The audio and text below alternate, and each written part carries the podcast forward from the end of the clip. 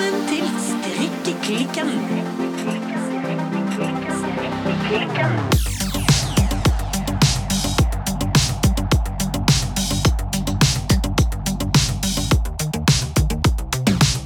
Hei, Silje. Hei, Birte. Birte, Ja. hva strikker du på i dag? Du, i dag I don't knit. Har du, har du sluttet? Nei, jeg har ikke slutta, men jeg er med på um, Veit du hva en kal er for noe? Å, det var et eller annet jeg hørte om på en podkast Ja. forrige uke. Ja. Så var det den herre Carl knit Carl. along. At man skulle strikke sammen ja!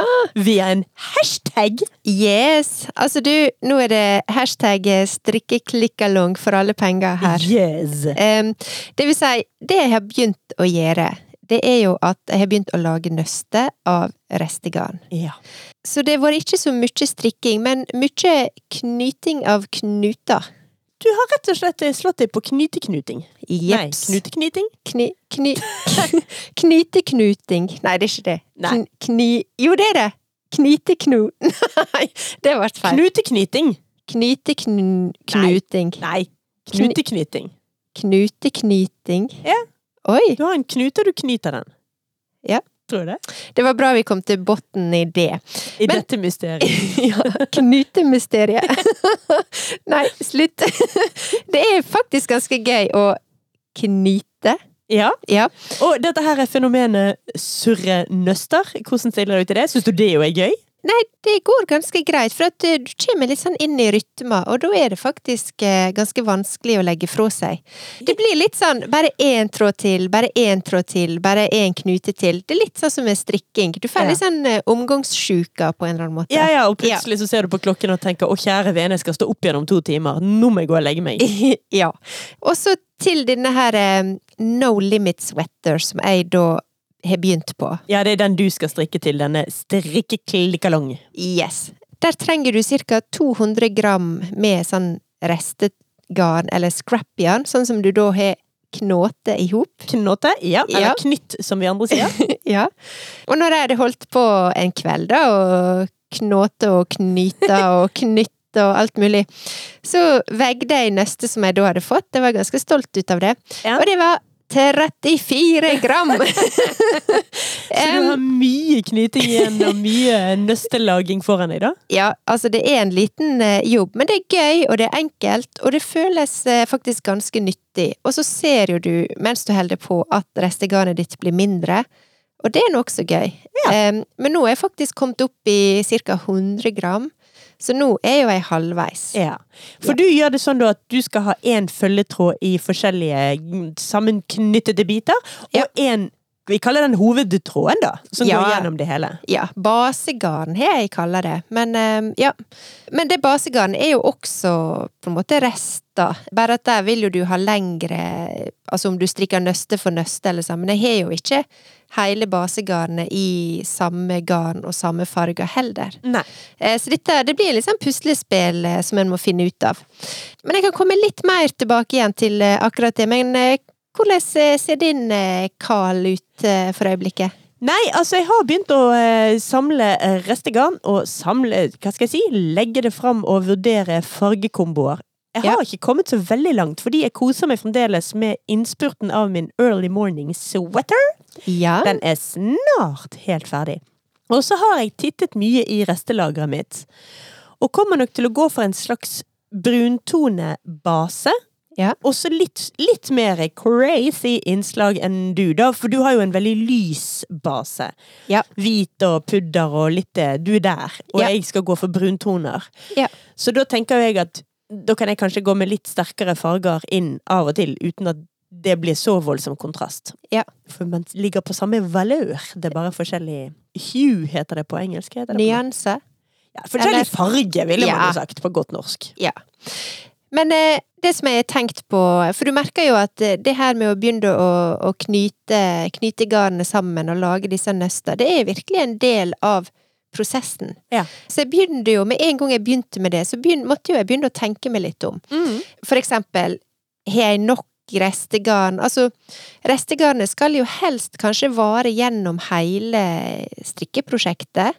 Med mindre så vil du få veldig sånn bolkvis eh, rester. Forstår du hva jeg mener? Jeg skjønner hva du mener. Altså, du vil jo ha, selv om alt skal være restegarn, så vil du jo ha de forskjellige restene jevnt fordelt utover plagget. Yes. Du vil ikke ha en haug med sjokkrøde flekker oppe på kun den ene skulderen. Du vil at de flekkene skal komme jevnt fordelt. Ja, for det begynte jeg å tenke på. Liksom, hvordan skal jeg fordele på en måte restegarnet og de forskjellige garntypene og fargene på en måte utover, sånn at jeg får det her all over-print, eller all over-effekter, som, som jeg har lyst til å ha.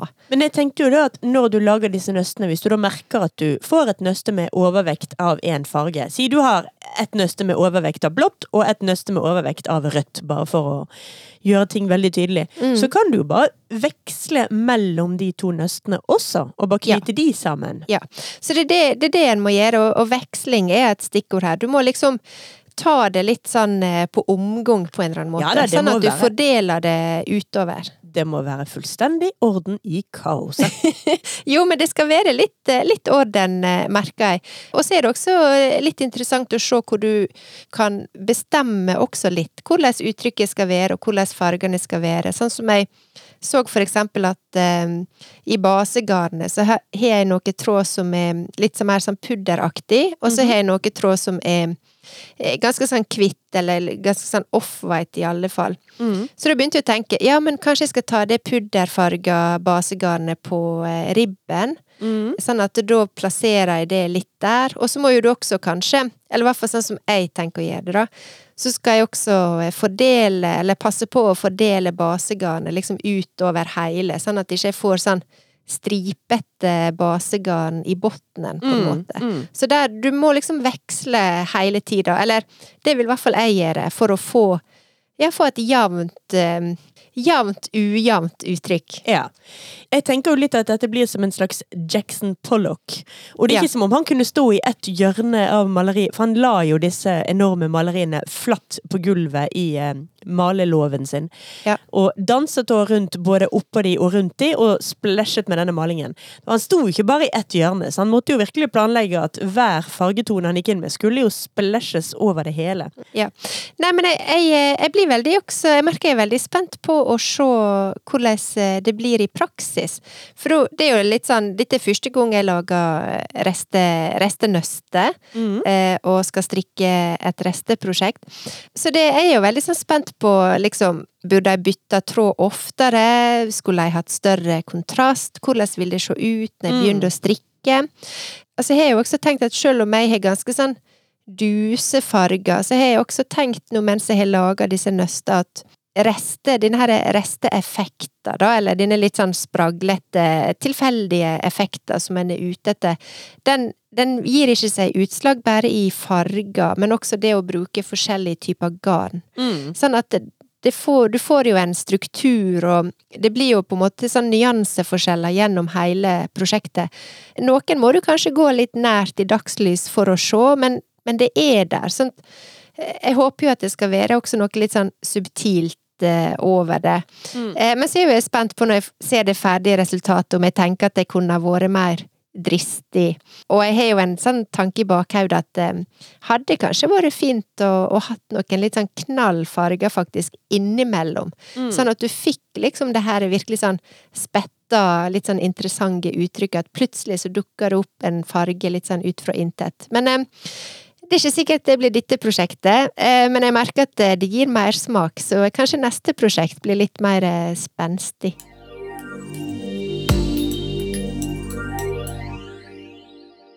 Men denne uken er jo liksom den første uken hvor denne strikkeklikkalongen Ja. er ordentlig i gang. Ja. Så forrige uke så forklarte vi jo en del om si, våre tanker rundt det, og hva eh, de såkalte reglene for det hele var. Ja. Og så diskuterte vi hvor lenge denne kalen skulle pågå.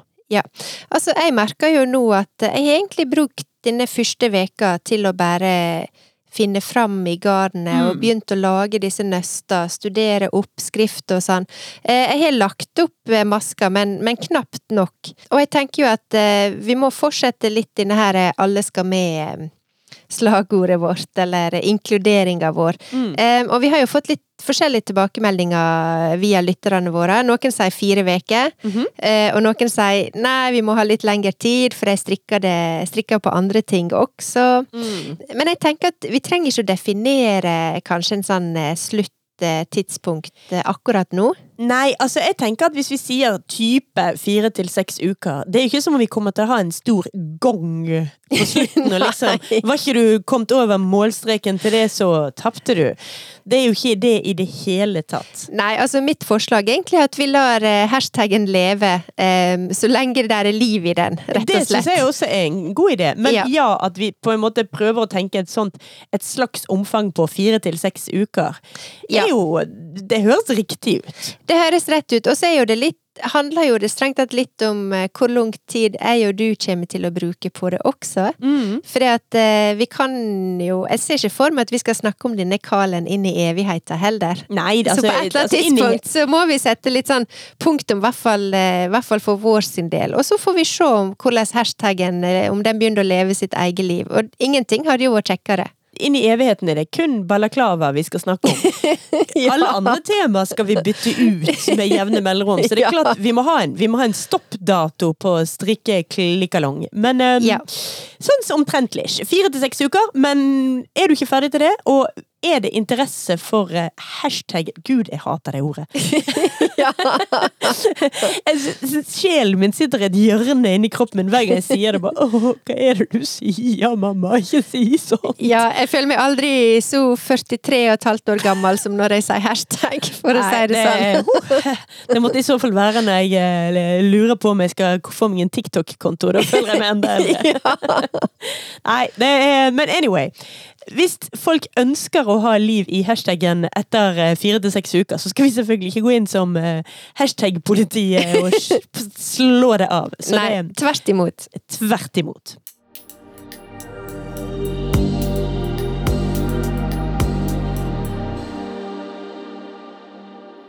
Birte. Ja. I dag har vi en knagg på det vi skal snakke om, som jeg er ganske opptatt av, for å si det forsiktig. Ja. I dag skal vi snakke om kreativitet. Yes. Og her har vi jo mye ting vi har lyst til å snakke om rundt dette her. Og vi skal vel forhåpentligvis sy det inn mot strikking med kvard.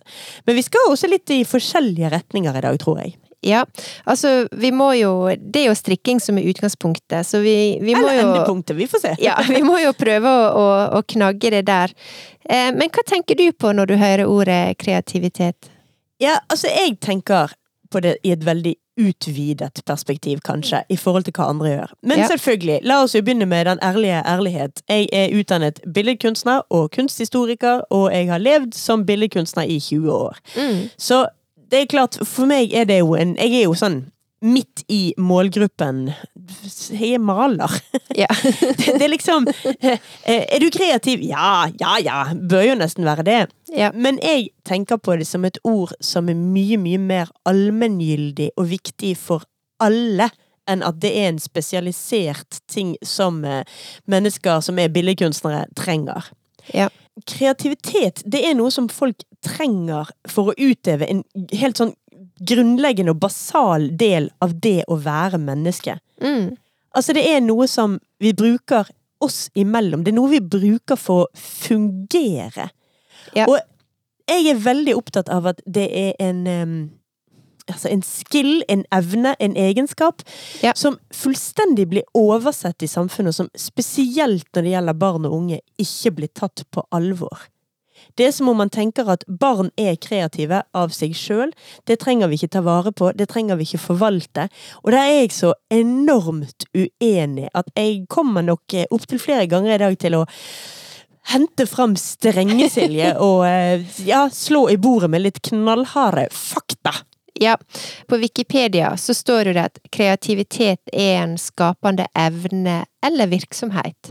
Og de kaller det gjerne oppfinnsomhet eller idérikdom, og det å lage eller finne på noe nytt.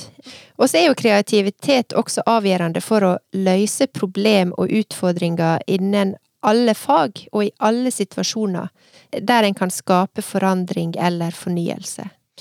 Ja, det er ikke så snevert og smalt at det bare har med kunst og kultur å gjøre i det hele tatt. Nei. Em, jeg jobber jo nå på eh, Tekstallmenningen, som formidler eh, en rekke forskjellige kulturtidsskrifter. Og jeg har vært veldig opptatt av dette som tema, men vi har et eh, tidsskrift i vår katalog som heter Plenty. Ja. Som har en helt egen utgave om kunst og kultur i skolen. Hvor hele nummeret er viet mye til kreativitet og hvilken plass de kreative fagene har i skolen. Og her er det jo ekstremt mange ting jeg er opptatt av. Mm. Nå skal vi også begynne, når jeg allerede innrømmet at jeg er billedkunstner og kunsthistoriker, så skal jeg jo videre innrømme at i min nære familie har jeg en del eh, såkalt nevroatypiske barn. Mm. Eh, Jeg omgis eh, barn med litt forskjellige diagnoser. Det er litt ADHD, der er litt Tourette, og der er litt forskjellige atypiske ting. Jeg er veldig opptatt av hvordan man lærer ting til barn, til alle barn, men mm. kanskje spesielt til nevroatypiske barn. Og det som er fokuset på kunst og kultur og kreativitet på skolen, det har endret seg enormt mye. På 70-tallet så var det ca. 20% av skoletiden brukte de til kreative fag. Nå er vi nede i 12,5% av skoletiden brukes til kreative fag. Mm. Det har vært mange forskningsrapporter som viser at dette er en veldig dårlig løsning. Mm. Nå er det et eh, forholdsvis stort forskningsprosjekt på gang som heter Kunsten å lære. Det er foreløpig bare et eh, forskningspilotprosjekt, så de har foreløpig bare så, altså, sånne tidlige resultater å vise til, da. Men det viser seg trolig at ved å lære barn, enten på en kreativ måte, eller å lære dem å tenke kreativt, så blir altså barna både snillere, mer inkluderende, de får større toleranse og vennekrets, og i tillegg så får de altså mer og bedre og dypere læring på alle fag. Det er ikke som om du liksom ved å lære de kreative ting, å ja, da kan de lære seg å bruke en symaskin eller strikkepinner. Mm. Nei, de kan lære alle de andre tingene også. Ja, for en ting som jeg, jeg la litt merke til, og nå refererer jeg fortsatt til eh, Wikipedia, det er jo det at eh, kreativitet eh, er liksom grunnlaget for det at vi kan altså finne opp ting, oppfinnelser og vitenskap. Selvfølgelig også nevnte kunst og håndverk, Mm. men også innen næringsliv og markedsføring, for eksempel. Absolutt. Eh, det handler jo om å, å gjennom eh, altså fantasi og forestillingsevne at du eh, lager eller tenker annerledes og nytt. Det er akkurat det de gjør. Altså det som jo er menneskehetens store styrke, det er to ting. Det ene er at vi kan kommunisere utrolig komplekst med hverandre. Mm. Altså, språk er gull verdt. Ja. Og det andre er vår vanvittige evne til å tenke annerledes og se nye muligheter. Altså, kreativiteten er en fantastisk evne menneskeheten har. Dette er ikke nytt, altså, for alt i verden. Dette er noe som er oppdaget for lenge siden. Det finnes Mm. som sagt masse forskning på det. Og der er også masse ut av de store firmaene i verden som tar dette på dypeste alvor. Det er jo de vanligste si, det er vel fire? Ja, de fire store fagene, de såkalte STEM-fagene. Science, Technology, Engineering og Mathematics. Mm. Det er liksom de store fire bokstavene som når man lærer barn i skolevesenet. Mm. Men der er det en del som har begynt å ta til orde for at man også skal legge til A-en for arts. Mm. Dette er jo litt fordi at da er det veldig gøy, for da får du steam, altså ste, Du går fra stem til steam. Ja. Så det, det, blir jo, det blir jo et gøyalt ord også, da. ja. Men ok. For eksempel Google, de er veldig opptatt av at deres ansatte skal være god i kreativ problemløsning og å tenke utenfor boksen. Mye mer opptatt Mm. av det enn at de skal være gode på database og tallknusing. Ja. For det kan jo nettopp datamaskinene gjøre. Ja. Vi trenger folk som kan tenke bedre, mer kreativt enn datamaskiner. Vi trenger ikke lære folk opp til å bli datamaskiner. Jo, men tenk, eh, altså en kan eh, like eller mislike, men hvis jeg sier for eksempel eh, Elon Musk, tror du han er kreativ? Ja, Nå syns jeg også han er en dust, da. Men eh, hvis vi ser vekk ifra han Jo, men jeg tenker på, på Det er liksom det navnet bare poppa opp når vi satt og snakka her nå. For det at eh, For meg så er jo han eh, et slags sånn stjerneeksempel på en, en oppfinner, altså nåtidas eh, oppfinner. Eh, og der han virkelig bare Sky is the limit, på en eller annen måte. Og hvor mye kreativitet og for så vidt galskap og oppfinnsomhet og alt mulig som må ligge bak og klare å gjøre det som han for eksempel har fått til. Eh, ja, én nekter å henge meg på det eksempelet der. Eh, jeg ser bare på han som en stormannsgal, eh, nedlatende, kvinnefiendtlig idiot. Men eh, nok Ja. om Elon Musk. Jeg gidder ikke snakke om han. Jeg sa jeg kom til å være strenge-Silje i dag. Nei, han orker jeg rett og slett ikke ta opp. Men altså, dette her med kreativitet og kunst det er så mye mer Altså, det er det at man har valgt det så voldsomt vekk. Og så kan man si, ja, ok, når jeg sier sånne tall som at på 70-tallet var det 20% av skolehverdagen, nå er vi nede i 12,5% Dette har jo skjedd via flere skolereformer. Det har skjedd gradvis, og det har skjedd blant annet når man innførte dette her PISA, måten å måle på. Da har det blitt mye mer fokus på eh, lesing og skriving og matte, altså stemmefagene. Og mye mindre fokus på kunst, kultur og kreativitet. Mm. Og det som er så vanvittig kjipt, det er at det ødelegger da både individene, eller ødelegger for de, så ikke det ødelegger de fullstendig, men det ødelegger også veldig mye for samfunnet. Mm. Fordi at kunstfag og kreativ tenkning, det gir oss identitetsfellesskap. Det gir oss kritisk diskurs i samfunnet. Det gir oss nysgjerrighet og innsikt i hvordan andre mennesker sitt liv fungerer. Og det er altså kjempeviktig for å ha en fellesskapsfølelse, for å ha et demokrati, for å kunne ha meningsutveksling, og for å kunne tenke såkalt utenfor boksen. Mm. Altså, eh, jeg, jeg fortsetter å lese fra eh, Altså, mens du har, eh, har de eh, litt sånne tunge faglige kilder i, handa, så sitter jeg fortsatt med min Wikipedia-artikkel her. Men jeg syns det var én ting som sto der som jeg også syns Som jeg hengte meg litt opp i, og det at eh, kreativitet eh, Altså, det blir ofte definert som evner til å sette sammen kjente element til en unik ting.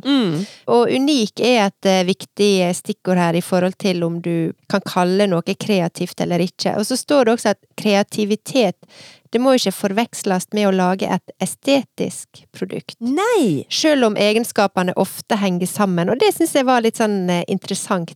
Da liksom utvider du Utvider du begrepet med en gang. Ja, det er flott at de gjør det, for jeg er helt enig i det.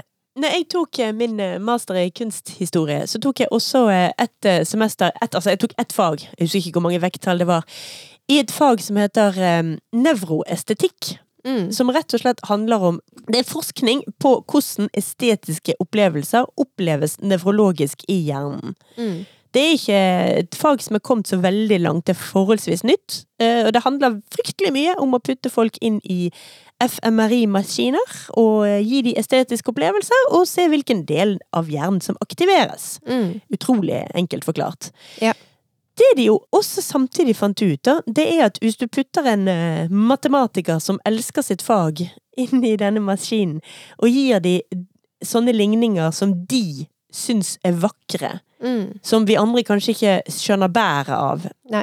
Da lyser de samme delene av hjernen opp. Det er den prefrontale cortexen som uh, tar seg en liten uh, aktiveringsfest. Og Ja. det syns det er så vakkert. Dette gjør meg så glad at at, at skjønnhet og opplevelsen av det vakre på ingen måte bare handler om uh, form og farge og estetiske fag. Mm. Det er noe mye større enn det.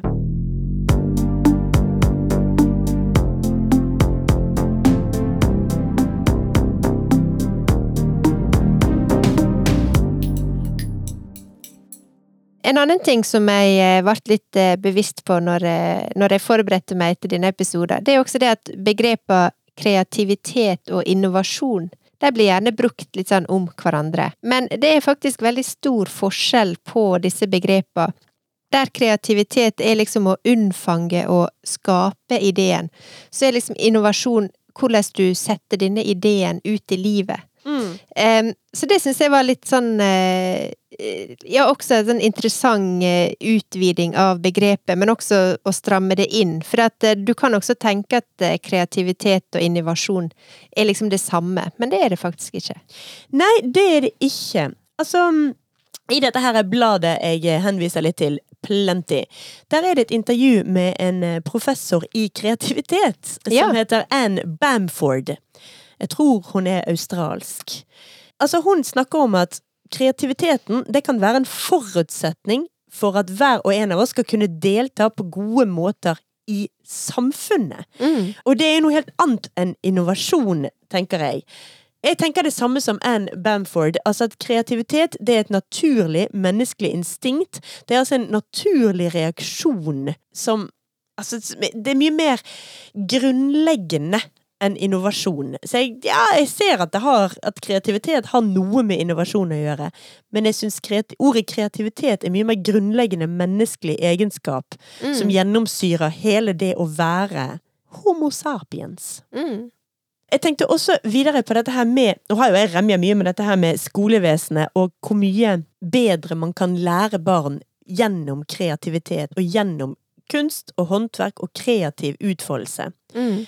Finland er jo et land som har tatt dette på mye større alvor enn Norge, og som utenom det ikke har så veldig annerledes eh, skole enn det norske skolesystemet. Mm.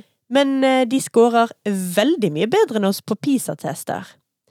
Så det er jo et, vil jeg si da, en god indikasjon i det minste på at det virkelig er noe i denne her eh, foreløpig litt for tidlige forskningen som beviser at det å holde på med kunst, kultur og kreative fag forbedrer elevene på mange områder. Ja, og så vil jeg fokusere litt på ordet kreativitet. For det som er litt Det som jeg syns er litt viktig her, eh, og som jeg tenker jeg også er en stor del av ditt poeng, Silje, det er også det at eh, kreativiteten kan du bruke Altså å, å løse det Altså å løsrive det også litt fra kunst og kultur, eller kunst og håndverk. Ja, fullstendig. Eh, for det at kreativiteten er en slags Er et fag i seg sjøl som du kan anvende på alle andre fag, tenker jeg. Ja, og som og- kan gjøre deg bedre til å forstå og utvikle evne til å forstå andre fag også. Nå er man jo så himla opptatt av å eh, trene barna i den ene sporten etter den andre og gi dem alle slags andre ting, og livsmestring skal kanskje inn som et fag i skolen, eller kanskje det allerede er det.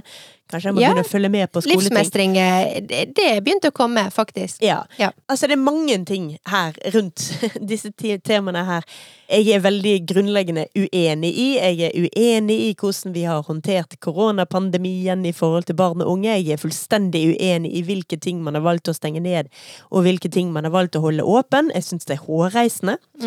Eh, men um, hvis jeg prøver å holde meg sånn noenlunde til temaet, da, Ja. så vil jeg jo si at poenget her er at kreativitet er en så sinnssykt viktig, grunnleggende menneskelig egenskap. Alle har den i utgangspunktet, den er der for alle, men blir den ikke brukt i det hele tatt, blir den ikke dyrket, blir den ikke satt pris på, så kan du faktisk fint kverke den. Og Mm. gjøre folk om til eh, ganske så eh, ja, kjedelige og um, STEM-forskere. altså folk som er gode på disse stem-tingene, men som da ikke klarer å se nye sammenhenger. Og det er jo også noe med hvilken vei går samfunnet. Vi trenger ikke roboter som skal stå og gjøre manuelt arbeid lenger, og det kommer vi ikke til å trenge i fremtiden. Nei. For det har vi funnet opp både maskiner og datamaskiner til å gjøre for oss. Det vi vil trenge er jo maskiner, altså oss sjøl, som kan tenke utenfor de fastlåste mønstrene. Utenfor mm. nullene og enene og, og disse systemene. Og det er jo det man burde dyrke i opplæringen på skolen. Det er ikke det viktigste at disse barna skal bli eh, kunstnere eller kulturarbeidere. Det viktigste er at de skal bli gode, hele mennesker. Både gode for seg sjøl og gode for samfunnet. Og da må kreativiteten inn som en mye mer verdsatt egenskap enn den er i dag. Ja, altså kreativitet, det kan jo være, sånn som du sier, en medfødt eh, egenskap, men det er også viktig å huske at den kan også læres eller trenes opp. Ja. Men det som jeg sitter og tenker litt på nå, for at nå Vi har noe stort foran oss som skal skje. og det heter Det grønne skiftet. Ja. En snakker jo hele tida om da at vi må finne nye måter å leve på. Ja. Sånn at vi kan møte det grønne skiftet, altså at vi kan stå imot eh, klimaendringene. Og for meg, da, det handler om at vi må leve livet vårt på nye måter. Ja. Og for meg handler det kun om kreativitet. Og jeg tenker at eh, når vi går framover nå, det er kreativitet skal redde verden. Vi er helt overbevist om. vi har ikke noe annet forslag enn kreativitet skal redde Nei. verden. Vi, har- vi har ikke noe bedre å komme med, i alle fall. I så fall må vi først bruke kreativiteten til å komme på noe bedre enn kreativiteten som kan redde oss. Dagens eh, store hjertesukk og oppfordring må jo være mer fokus og respekt for kreativ... Respekt for eh, de kreative fagene, for kunst og kultur. Og selvfølgelig, det beste måten å få folk interessert i kunst og kultur på, det er å ta de tidlig. Dette skjønte enhver eh, religiøs sekt for lenge siden. Get them while they're young. Dette skjønte på fotball for lenge siden. Dette har alle andre skjønt. Mens kunst og og kulturfag er fremdeles litt sånn Jo da, vi har jo et fantastisk eh, kulturelle skolesekk, og til og med Den kulturelle bæremeisen i Norge. Men det er jo ikke godt nok brukt i det hele tatt. Nei, og du kan ikke tvinge det på folk. Det, det, dette er liksom noe som må Det må inn med teskeia, eller det må inn med grautskeia, Ja, det er akkurat si det det må. sånn. Fordi at altså, Hvis du kan tvinge de til å lære seg eh, gangetabellene, så burde du i det minste oppfordre de til å gå på eh, ja, utstillinger og på konserter og på forestillinger og whatever. Og mye mer av det hele.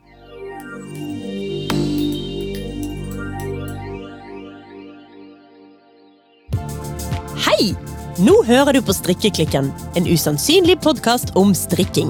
Vi lager nye episoder hver eneste veke, og det koster ingenting å høre på oss. Hvis du liker podkasten vår, blir vi veldig glade. Men glede alene metter ingen mage. Derfor har vi satt opp en Patrion-konto, hvor lytterne våre kan støtte oss. Patrion, sier du. Hva er det for noe? Patrion er en godt etablert og trygg portal som lar publikum støtte skapende mennesker og deres prosjekter. Så nå kan du altså bli vår private sponsor og støttespiller, og det gjør du enkelt ved å gå inn på www.patrion.com strikkeklikken. Et medlemskap koster bare 40 kroner i måneden, og gjør at du blir en del av vår faste støtteklikk.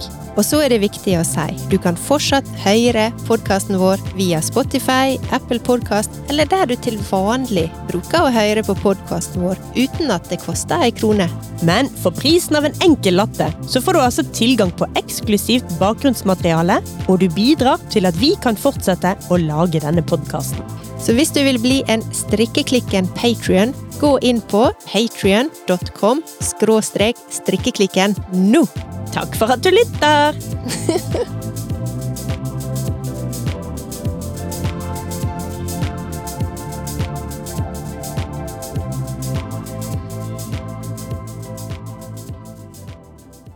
Men Silje, Ja. Nå tar jeg en snarvei her. ja.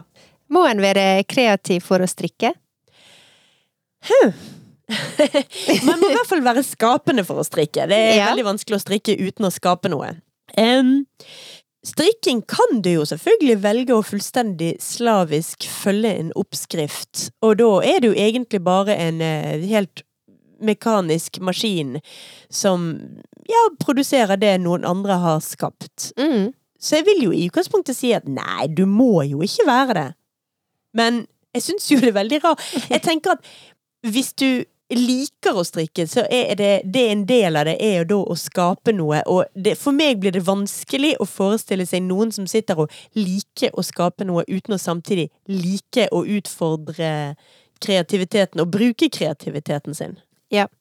Nei, det, det, er ikke et, eh, det er ikke et enkelt eh, spørsmål å svare på. Og eh, jeg veit ikke om jeg har noen gode svar på det. Jeg er enig med deg at ja, du kan følge ei oppskrift til punkt og, og prikke, men samtidig så tenker jeg at det er jo noe med å la tankene vandre mens du strikker. Ja, det, du kan- kan, det kan på en måte igjen gi grobotn for kreativitet. Og du kan til og med si at allerede ved Altså selv om du følger en oppskrift til punkt og prikke, så har du valgt den oppskriften. Du, Ja. du har tatt et kreativt valg allerede der.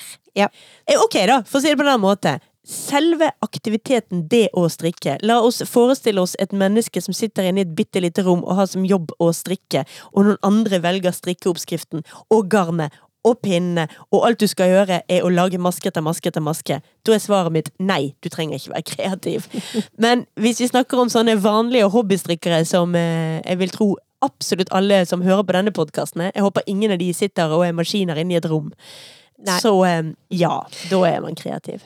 Men jeg likte litt eh, det du sa i stad, det her med manuelt arbeid og maskiner som skal utføre manuell, manuelt arbeid. For det kan jo du faktisk overføre litt til det som har skjedd med strikking også. Altså på et eller annet tidspunkt så var jo det maskinene som tok over, eller det starta jo nesten med maskinstrikking.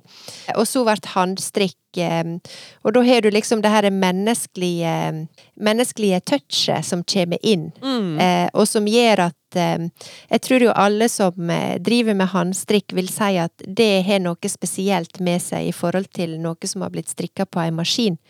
Men i praksis så er jo det ikke nødvendigvis store forskjellene. Nei, men det er jo det likevel. Mm. Det er jo noe av det vi snakket om for lenge siden, og vi, jeg husker vi snakket om dette med å strikke til eh, premature barn. Mm. Det er jo ikke fordi disse barna i Norge som er født prematurt, faktisk fryser. Det er jo ikke det som gjør at man strikker til dem. Mm. Man strikker fordi man faktisk tror på kjærlighet i prosjektene, og fordi at det er noe ja, mye mer menneskelig enn eh, at de ligger i en eh, plastikkuvøse, da. Selv om Mm. selvfølgelig igjen, frysing er ikke problemet. Mm. Men det forteller noe til foreldrene om at det er et ønsket menneskebarn, og velkommen inn i gjengen vår, du bitte lille menneske som kom for tidlig. Mm. Så det er det, Ja, det er kjærlighet i håndstrykk, mener jeg. Mm.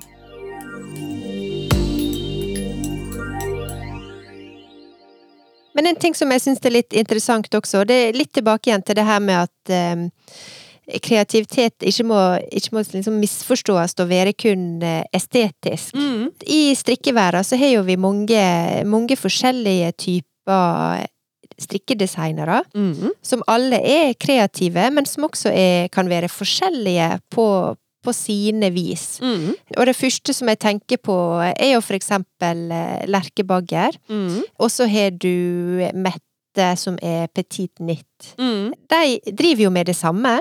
Ja, strikking og strikkeoppskrifter. Ja. Strikking og strikkeoppskrifter. Men jeg ser jo også på de to som veldig forskjellige innenfor liksom kreativitetsspekteret. Ja, de er veldig forskjellige i uttrykket Ja, til slutt i de produktene de lager. ja, og det var det som var litt For at jeg tror også det er lett å kanskje misforstå, eller lett å tenke at uh, Lerkebagger er veldig mye mer kreativ enn Petit Knit. Det Mhm. kan en i hvert fall tenke.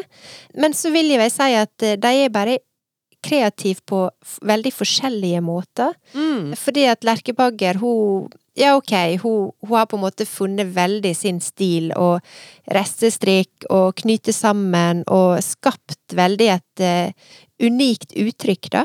Ja da, og selvfølgelig iscenesetter det uttrykket på veldig sånn klassisk billedkunst, eh, kunstkulturmåte, sant? Ja. er på atelier, der er malingsplett på gulvet, Ja. drikker Hun- øl i ullgenseren.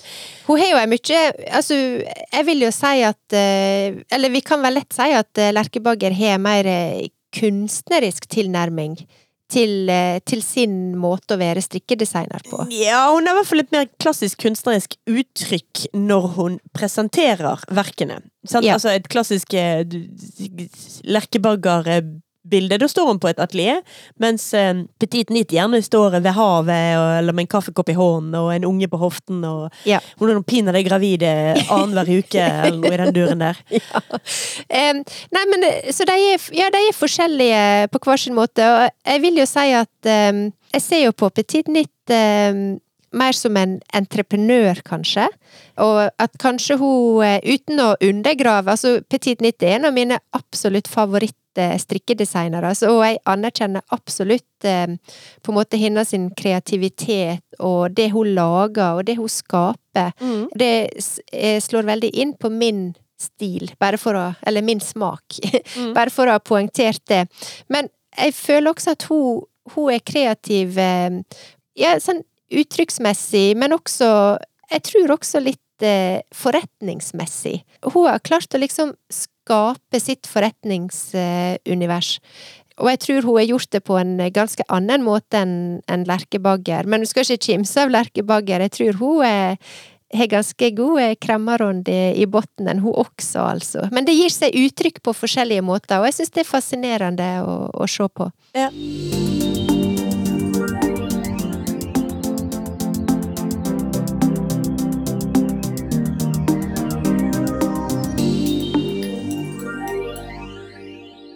Men jeg syns også det var gøy, dette du snakket om, at altså det med å ha, jobbe kreativt handler om å ta Hva du sa noe om at det handlet om å ta to eksisterende ting og sette det sammen til en helt ny ting? Ja, altså det er jo det her det unike i det. Ja. Det jo så, for eksempel, da, lage et bilde, eller male et bilde. Det i seg sjøl er ikke nødvendigvis kreativt. Uh, hm? For det er ikke nødvendigvis noe unikt. Som jeg nevnte i stad, kreativitet eh, blir ofte definert eh, som denne evna til å sette sammen kjente element til en unik ting. Altså stikkordet her er unik. Mhm. Og for eksempel eh, så er det ikke nødvendigvis kreativt å skrive ei bok eller male et bilde med et budskap som verden har sett før. Nei, hvis det bare er det samme, hvis man ikke kommer med noe nytt, er det det du tenker på? Ja. Ja.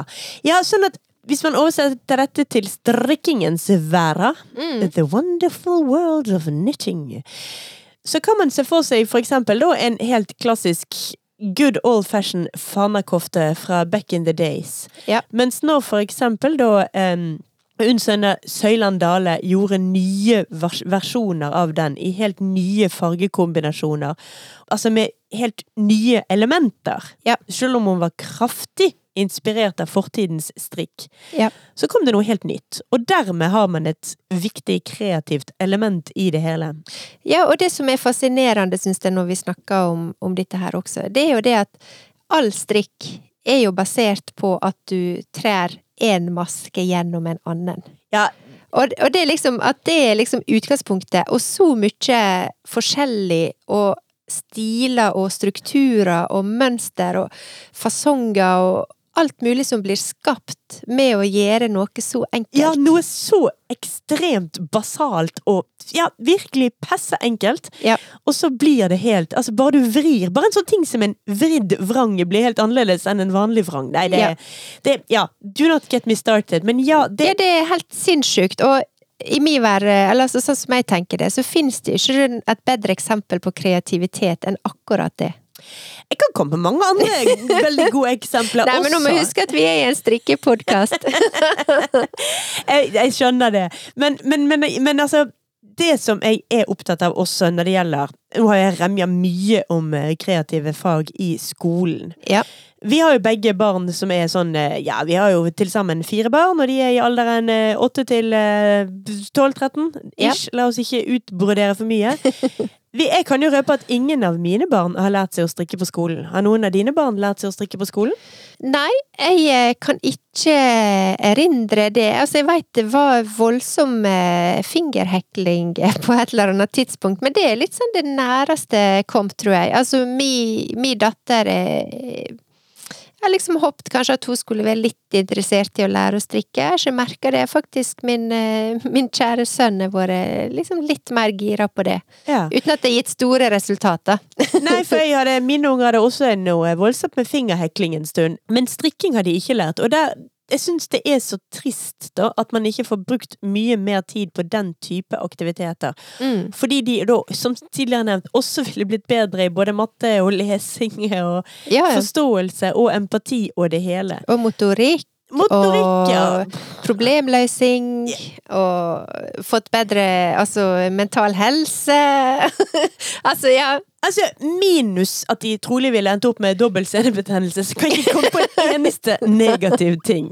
Og selvfølgelig at uh, vi da som deres mødre trolig hadde blitt uh, fått huset fullt av litt sånn her uh, Ja, så flott, der har vi en halv sokke der og en, en halv ting der. Å ja, kjempefin julepynt. Men ja. hvis vi ser bort fra det, så syns jeg faktisk det er ekstremt trist at ikke de får utfolde seg mye mer med kreativitet.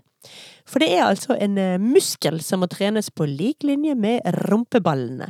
Det må trenes både støtt og stadig, og bruker du det ikke, så blir det slapt.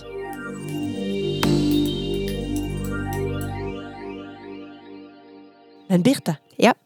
vi har jo fått oss så masse patrions den siste uken. Ja, det har vært kjempekjekt, og vi er utrolig glad og takknemlige. Vi er Altså, dette her er Vi er virkelig helt bløt i våre sjeler over den støtten vi får fra vår fantastiske strikkeklikkgjeng. Ja.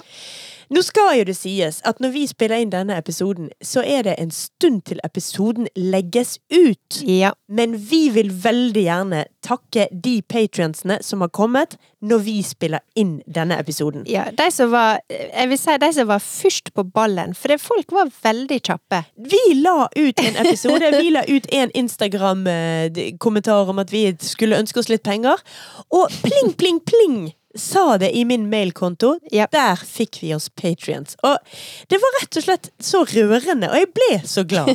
Så nå skal vi ha en ordentlig takkerunde til de første patrionsene våre. Yep. Da vil vi veldig gjerne takke Eda, Åshild, Therese, Ann, Benny, Randi, Marianne, Line, Torbjørg, Renate, Gunni, Ingvild, Melina, Ida, Wenche, Jorunn Emilie. Og Silje.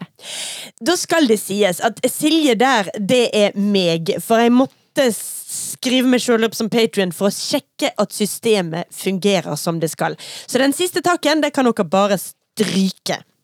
Utover det, tusen takk til alle våre patrions. Tusen takk. Og hvis du har lyst til å bli en patrion av Strikkeklikken, så kan du gå inn på www.patrion.com skråstrek strikkeklikken, og der er det enkelt å klikke seg fram til å bli vår patrion. Og dessuten så koster det bare 40 kroner i måneden.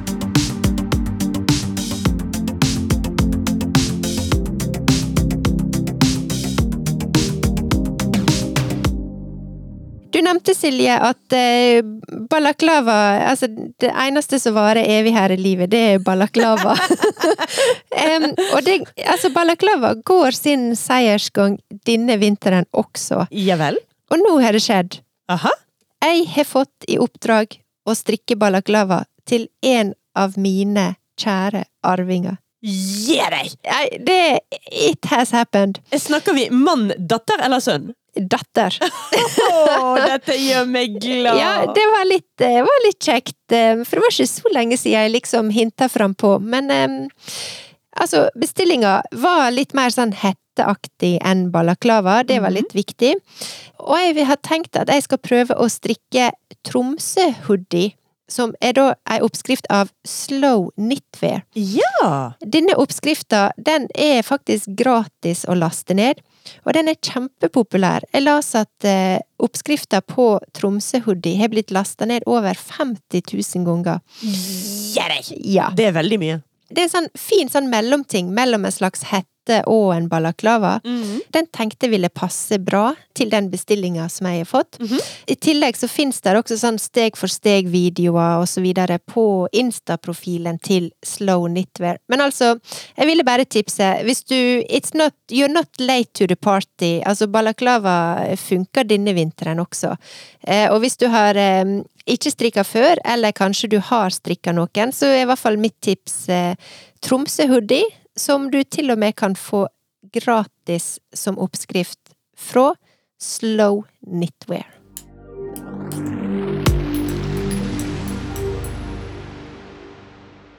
Det var det vi hadde denne uken, Birtus. That's it. Det var ikke så lite, da. Nei, altså, jeg eh, har jo remja mye nå. Det er jo ikke til å stikke under en stol at det vi har snakket om i dag, nemlig kreativitet, er et tema jeg har mye å si om. Ja, det er veldig viktig. Og helt til slutt så må jeg også bare si at uh, husk eh, nittalongen vår, og bruk hashtaggen strikkeklikkalong. Og så uh, både hashtagges vi og klikkes vi gjennom den neste veka. Det gjør vi helt klart. Ha det på badet! Ha det bra!